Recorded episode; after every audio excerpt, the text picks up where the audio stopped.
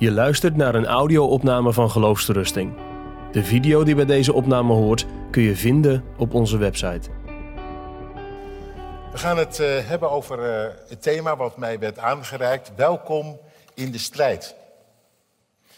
Dat betekent dus dat het eh, niet vanavond maar, gaat over het strijden om in te gaan door de enge poort.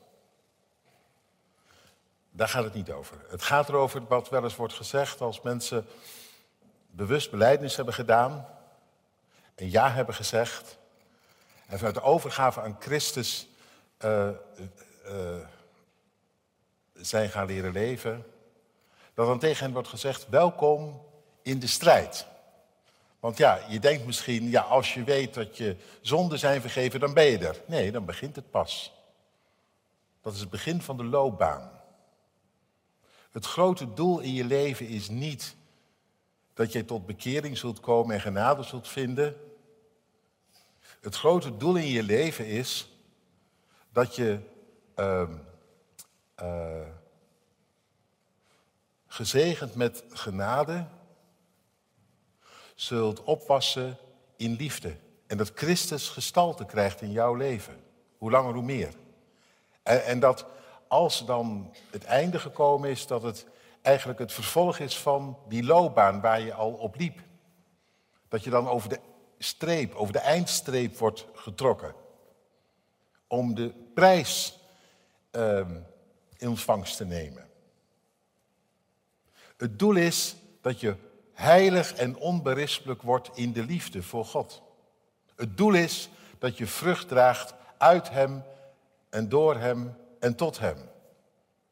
Met dat je blijft in Zijn genade en liefde, dat dat van Hem dan al meer gaat rijpen. Het doel is dat je door wedergeboorte ingegaan in het koninkrijk van God zult gaan leven als een burger van dat rijk. Ik denk dat dat gewoon heel belangrijk is. Natuurlijk, dat begin is beslissend. Dat je uh, door de knieën gaat, dat je genade vindt, dat je de ontdekking opdoet, mijn leven met Christus, de dood in, er is verzoening gedaan en ik ben met hem opgewekt, maar van daaruit gaat het door. kun je het hele Nieuwe Testament op nalezen. Dat is niet alleen maar gericht op hoe kom ik tot zekerheid. Integendeel. Weet je, ik ga iets, uh, iets zeggen en je mag me er straks uh, op, uh, op doorvragen hoor, als je denkt dat het niet klopt. Maar de meeste bekeringen in de Bijbel die duren maar, ja, een dag, nog niet eens een dag. Gebeuren tussen de middag. Die 3000 op de eerste Pinksterdag, die kwamen rond een uur of acht of negen op het Tempelplein. En voordat het twaalf uur was, waren ze ondergedompeld in de genade, verslagen in het hart. Met veel meer andere woorden heeft Petrus toen betuigd, er is genade voor jullie. En toen werden ze diezelfde dag nog gedoopt, terwijl ze zijn woord met vreugde aannamen. En ga alle, alle bekeringen maar na het evangelie, die gebeuren allemaal zo tussen de bedrijven door. Dat zijn niet hele ingewikkelde lange verhalen. De langste bekering, wie weet wat de langste bekering is in het Nieuwe Testament? Die van Saulus, drie dagen en drie nachten. Maar toen was het ook heel duidelijk. Nou ja, die man die was ook wel helemaal uit het lood. Die had zich zo gigantisch verzet, die moest helemaal bijkomen. Maar, maar één ding is al heel duidelijk, hè, met dat hij roept en bidt. Er staat, zie hij bidt. En dan wordt gelijk die Ananias er naartoe gestuurd. En als Saulus er dan zelf nog niet uitkomt, dan komt ineens Ananias bij hem naar binnen en die zegt, Saul, broeder, wordt ziende.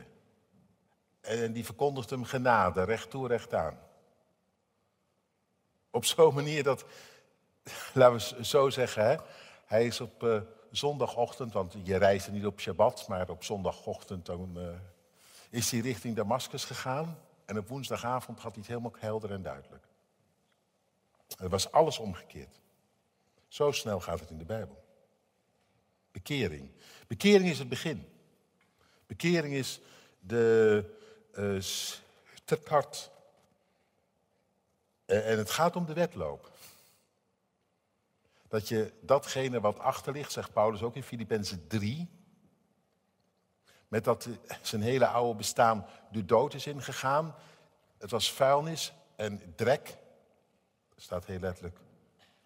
Ik kan het ook niet helpen. Een Grieks woord. Stront. Het stonk. Vuilnis en stront. Meer was het niet. Dat hele keurige leven, waar hij ontzettend tevreden over was, waarvan hij dacht dat het voor God iets was om door een ringetje te halen. Het kon de mesthoop op en de vuilnis er maar in. Waarom?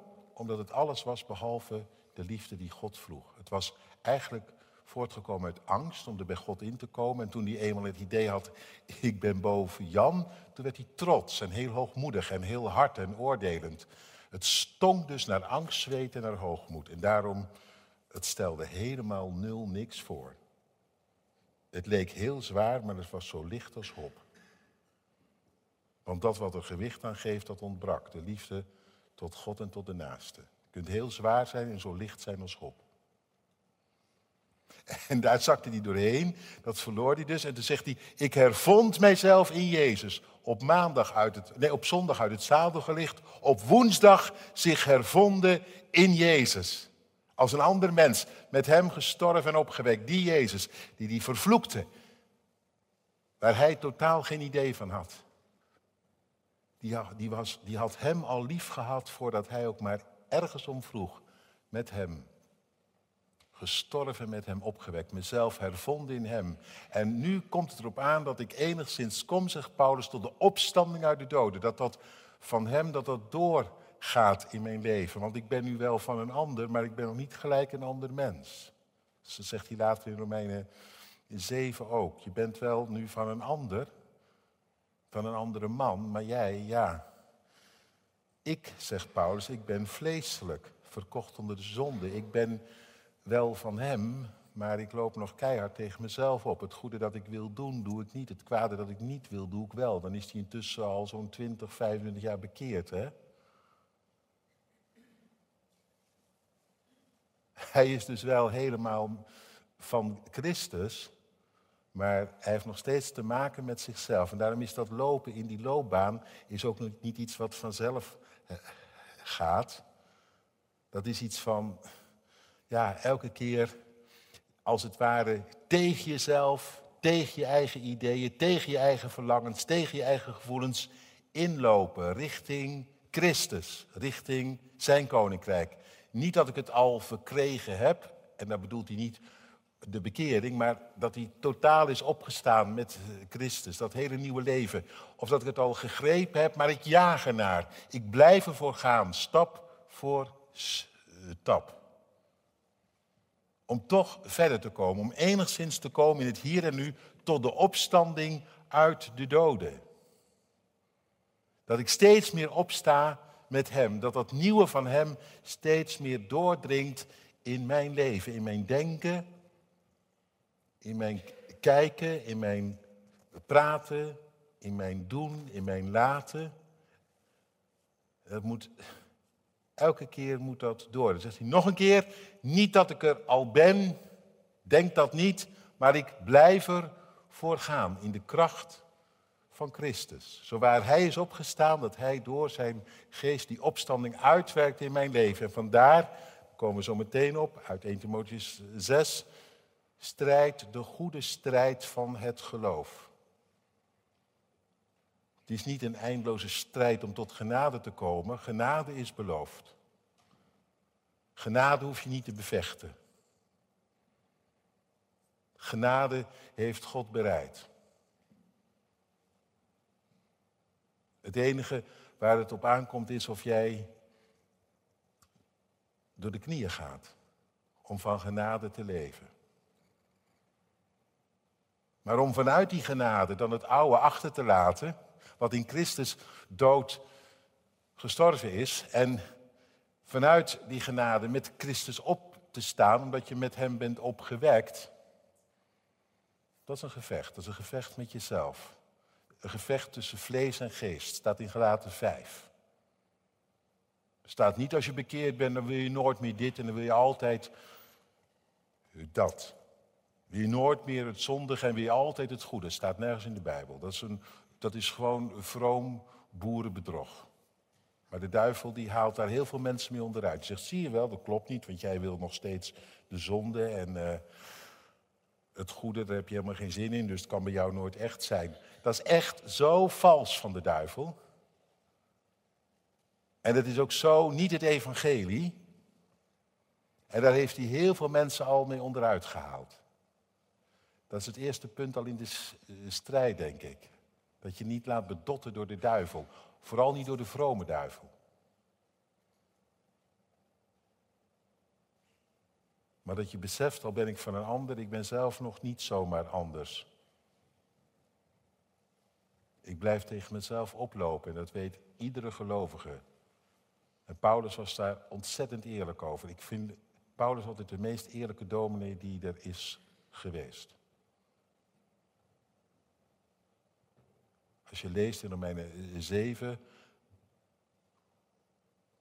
dan zegt hij gewoon heel ronduit. Ik heb een vermaak in de wet van God. Dat is het geweldigste wat er is. Daar word ik gewoon helemaal blij van. Maar er is iets anders in mij dat mij gewoon zomaar onderuit haalt. Voordat ik het weet. En het ligt niet heel ver bij me vandaan. Het ligt heel dichtbij. Ik neem me het goede voor en ik doe het kwade. Ik zweer het, het kwade af. En toch, ik verlies me er zomaar weer aan.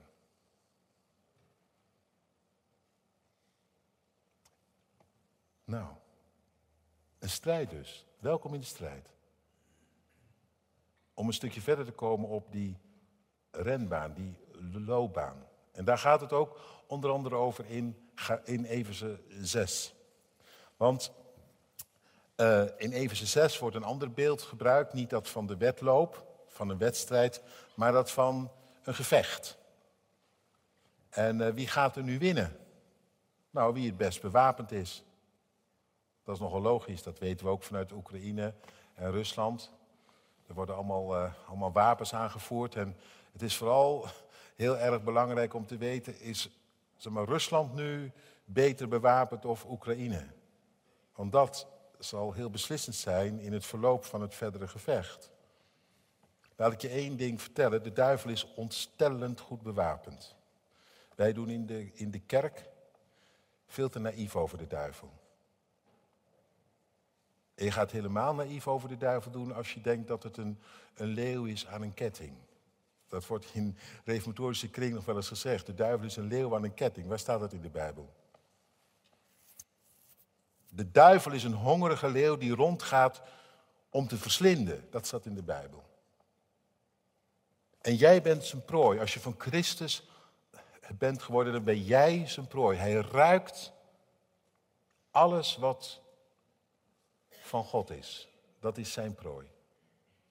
Geloof, hoop en liefde. Daar zet hij zijn tanden in. Dat wil hij verscheuren, verslinden, afkluiven tot op het bot. Uw tegenpartij, zo wordt hij genoemd in 1 Petrus 5. De duivel. Een hongerige leeuw. is heel gevaarlijk. En zeker als jij zijn prooi bent. Of nog stiekemer, dat wat in jou is gewerkt door God, dat geloof, die hoop, die liefde, dat moet kapot. Jij mag best blijven leven hoor. Als hij dat maar kapot kan krijgen. Als hij daar zijn tanden maar in kan zetten. Als hij dat maar kan verslinden, verscheuren. Want dat kan hij niet luchten of zien. Daar is de duivel op uit. Dus de duivel is altijd uit op jou als je tot geloof bent gekomen. En dan vooral op jouw geloof, op jouw hoop en op jouw liefde, op het vertrouwen wat is gewekt. Dat is gewoon de Bijbel. En dat is niet een leeuw aan een ketting, want daar zou ik niet bang van zijn. Ik ben niet bang van een leeuw in een dierentuin. Maar van deze wel. En deze gaat rond. En we hoorden over even, het Everse 6 over, over uh, de listige verleidingen, de listige omleidingen. Je wordt bij de neus genomen zonder dat je er erg in hebt. Die kant op, die kant op, je denkt niks aan de hand. En intussen kom je op doodspoor terecht. En word je zomaar onderuit gehaald. En wordt jou het geloof en de hoop en de liefde ontfutseld. Listige omleidingen.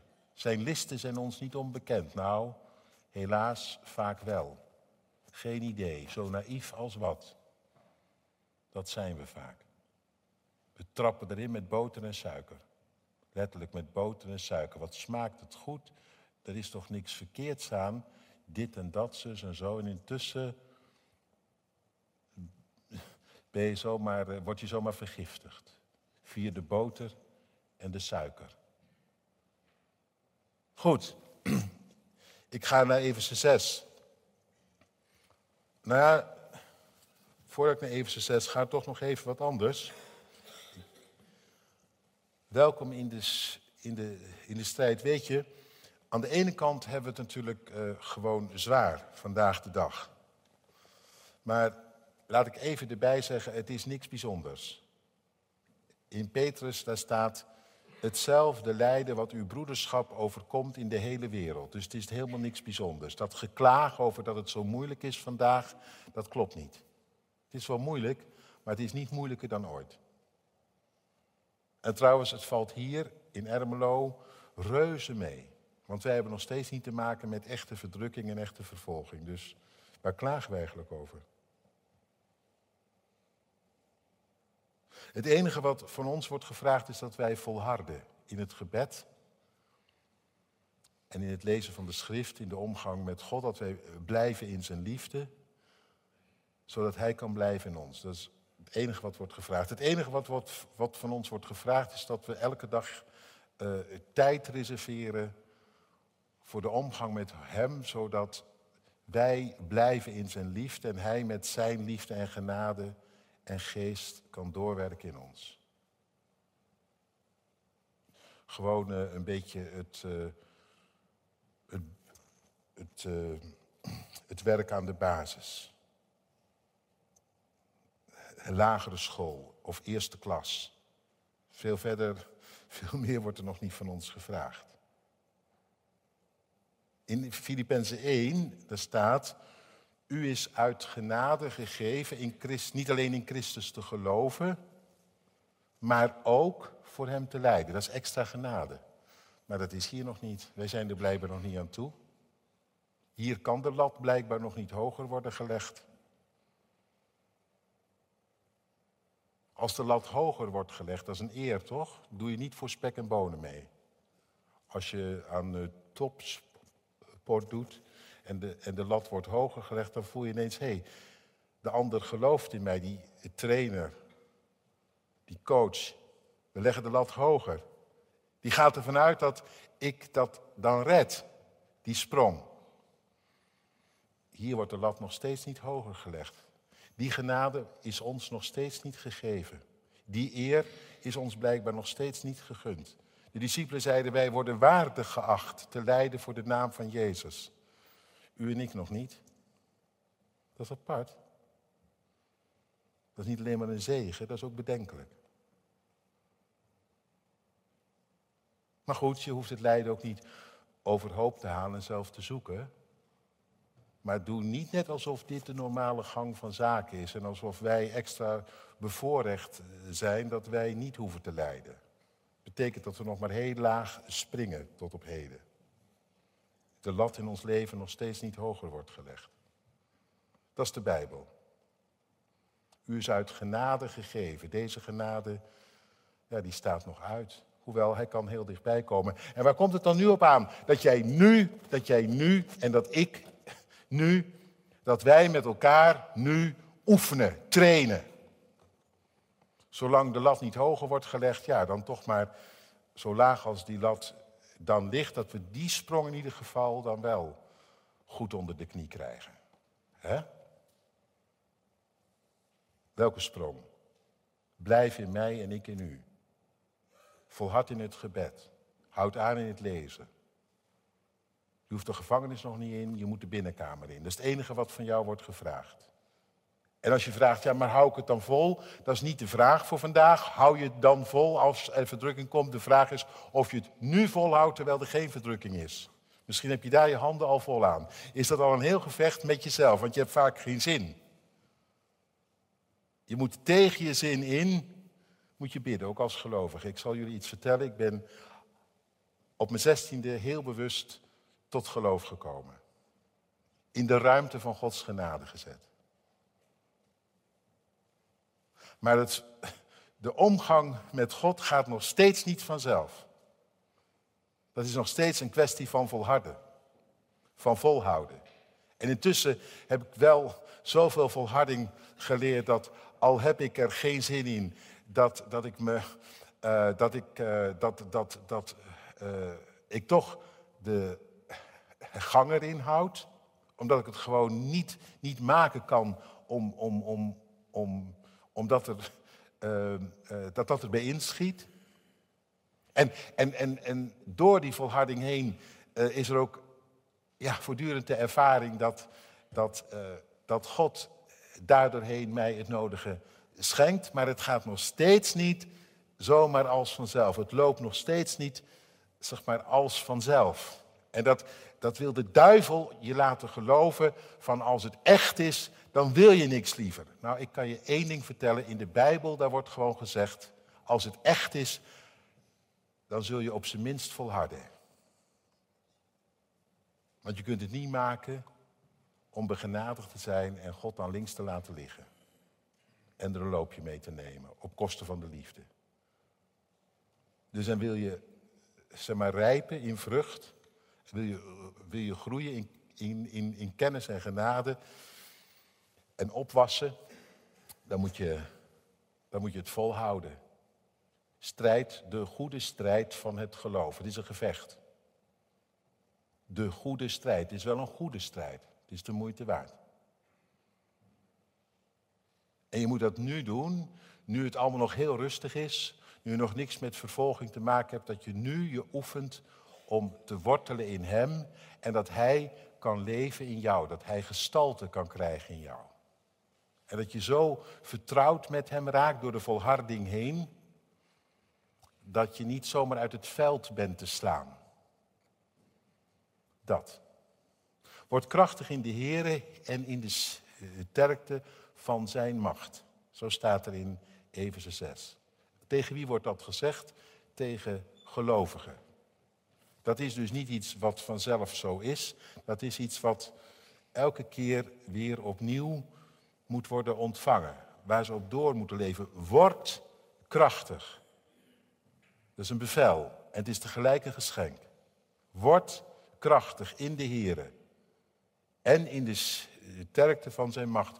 Dat betekent dat je elke dag je richt op Hem en leeft uit dat wat Hij voor jou heeft. Van Zijn genade, van Zijn trouw, door de kracht van Zijn geest. Dat is prachtig, de catechismus sluit daar heel mooi bij aan.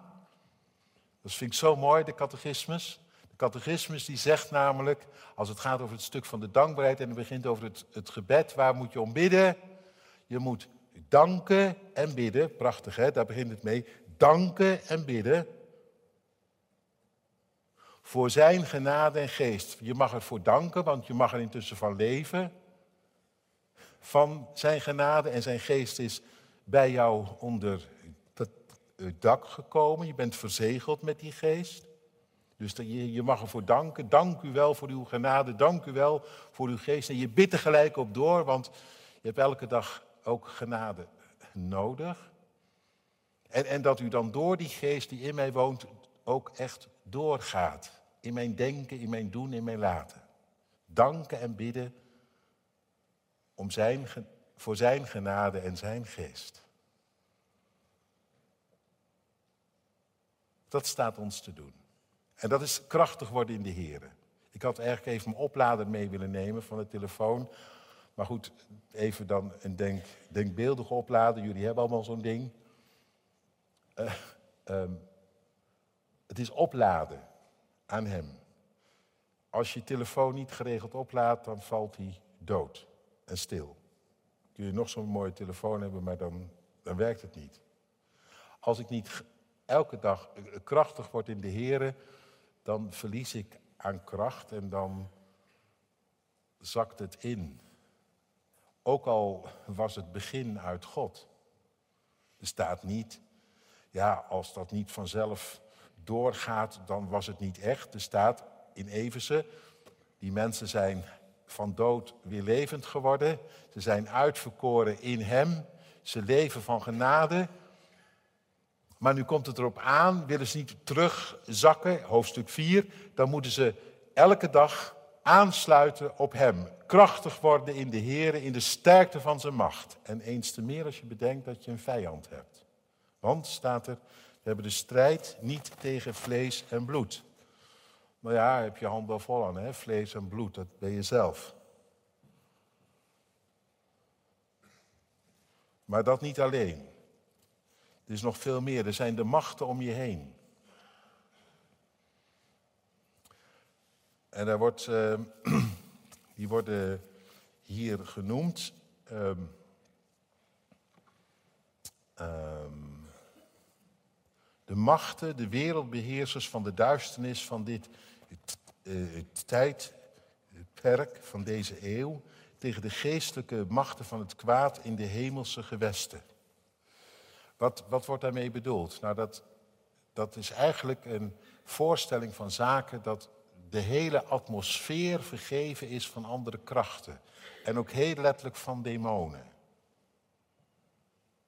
Ik weet niet of je het weet, maar een derde deel van de engelen is gevallen. En is uit de hemel gestoten.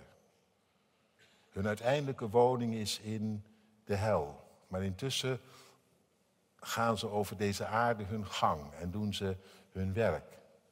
Onder leiding van eh, Satan. Zoals de engelen onder leiding van de geest hun werk doen, zo doen de demonen onder leiding van Satan hun werk.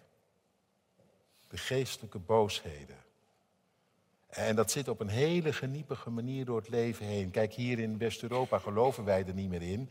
Maar, maar als je komt in Afrika of in Azië of in Latijns-Amerika, daar is veel uh, uh, occultisme, daar zijn demonen een levende realiteit. Daar leven die mensen mee, met demonen.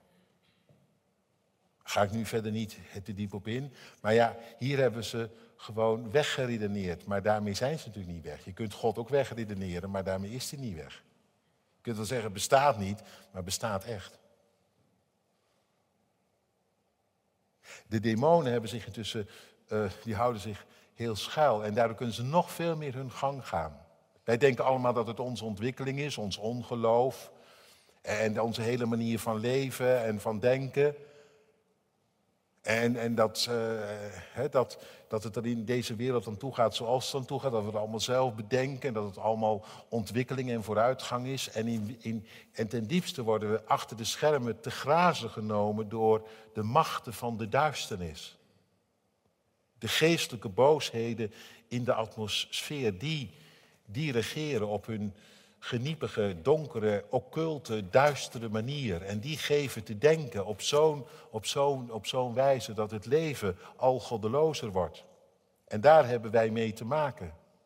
Demonen die staan niet bij de voordeur met uh, twee hoorntjes Mag ik erin? Nee, was het maar waar, dan, waren ze gelijk, eh, dan had je, het, je het gelijk door. Het gaat er veel listiger aan toe. Je denkt dat het allemaal verstand is en wijsheid en slimmigheid en ontwikkeling en hip en chill en weet ik niet wat. En intussen, intussen word je meegetrokken in een sfeer waarin de liefde teloor gaat, waarin trouw uit de tijd is, waarin het alleen nog maar, zeg maar gaat om meer, meer, meer.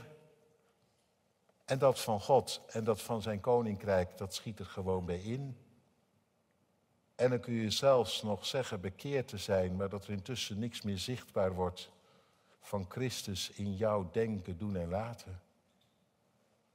Zo gaat het. Listige omleidingen. Word krachtig in de Heer, in de sterkte van zijn macht. Waarom? Dat je een open oog hebt, dat je, dat je niet onderuit wordt gehaald, dat je, dat, dat je het in de gaten hebt. Word krachtig in de Heer, in de sterkte van zijn macht. Dat jij zo leeft van zijn genade en zo leeft door de kracht van zijn, zijn heilige geest. Dat je het in de gaten hebt. Dat je, dat je aanvoelt. Wat uit God is en wat godloos is. Zonder God. En leeg van Christus. Wat niet bij hem vandaan komt, maar wat van beneden is. En dan staat erbij, moet je die wapenrusting aandoen. Hè? Dat gebeurt dus door aan te sluiten op hem. Zo doe je de wapenrusting aan om, om stand te houden. En ik ga nu niet alle elementen van die wapenrusting uitge, uitgebreid met jullie behandelen, want dan zou je hier morgenochtend nog zitten. Gewoon eventjes heel in, het kort. Maar dan, je zou ook kunnen zeggen, doe Christus aan. Dat staat ook op andere plaatsen, zegt Paulus op andere plaatsen. Doe de Heer Jezus aan. Ja, hoe doe je dat dan? Nou, door helemaal je als het ware uh, uh, te richten op Hem en te weten wie je bent in Hem. En dat staat hier eigenlijk ook. De gordel van de waarheid, dat is een riem. En als je die, uh, als een soldaat die riem niet omdeed, dan kon hij struikelen over zijn eigen kleren. Dus de gordel van de waarheid, die behoedt je voor struikelen. En wat is de gordel van de waarheid? Dat is de waarheid van God in Christus over jouw leven. Dat je dat bedenkt. Wie ben ik? Met Hem gestorven, met Hem opgewekt. Om nu uit Hem en voor Hem te leven. Dat dat leven van Hem zichtbaar wordt in mijn bestaan. Mijn, mijn leden, zegt Paulus in Romeinen 6, niet langer in dienst. Niet langer een wapen van ongerechtigheid, maar een wapen van gerechtigheid. Wat doe je met je ogen, met je oren, met je handen, met je voeten? Dat elke morgen, zoals je aankleedt, bekleed u met Christus. Doe de wapenrusting aan. Elke morgen bedenken wie je bent in Hem. Dat is die gordel van de waarheid omdoen. Dat moet ik ook, hè? Anders ga ik zo maar de dag in. Zonder te weten wie ik ben in Christus. En daarbij het borstharnas van de gerechtigheid. Dat hoort erbij. Een, een borstharnas, dat beschermt. Het borstharnas van gerechtigheid, dat is dat ik weet van uh, met Christus ben ik de ongerechtigheid voorbij en komt het erop aan dat ik nu de gerechtigheid van Hem leef. Die liefde, die trouw, dat geduld, al de vruchten van de geest. Dat ik dat me heel bewust ben, het borstharnas van de gerechtigheid. Dat ik niet bij het minst of geringste onderuit ga en toegeef aan mijn vlees. Aan wat iedereen doet, zoals iedereen eh, denkt. Het borstharnas van gerechtigheid. En um, daarbij. Um, de voeten geschoeid, ja, met de bereidheid van het evangelie. De sandalen van het evangelie. Soldaten hadden speciale schoenen. Daar zaten een soort. Uh, uh, er zat een profiel onder wat hen staande hield in de strijd van die spijkers. Want je moet je voorstellen, het was allemaal zand en modder en blubber vaak. En dan moest je staande blijven. De voeten geschoeid met de bereidheid van het evangelie. Dat je, dat je wandelt in het evangelie. Dat je erin gaat staan elke dag in die werkelijkheid. Dat je een, een wandelend evangelie bent. Dus ja, dat je er ook van getuigt. Maar dat nog niet eens allereerst. Maar dat je vooral gewoon daarin wandelt, in die werkelijkheid. Met Christus gestorven, met Hem opgewekt. Ik moet dat geregeld op een dag tegen mezelf zeggen, wie ik ben. Om te wandelen in die werkelijkheid.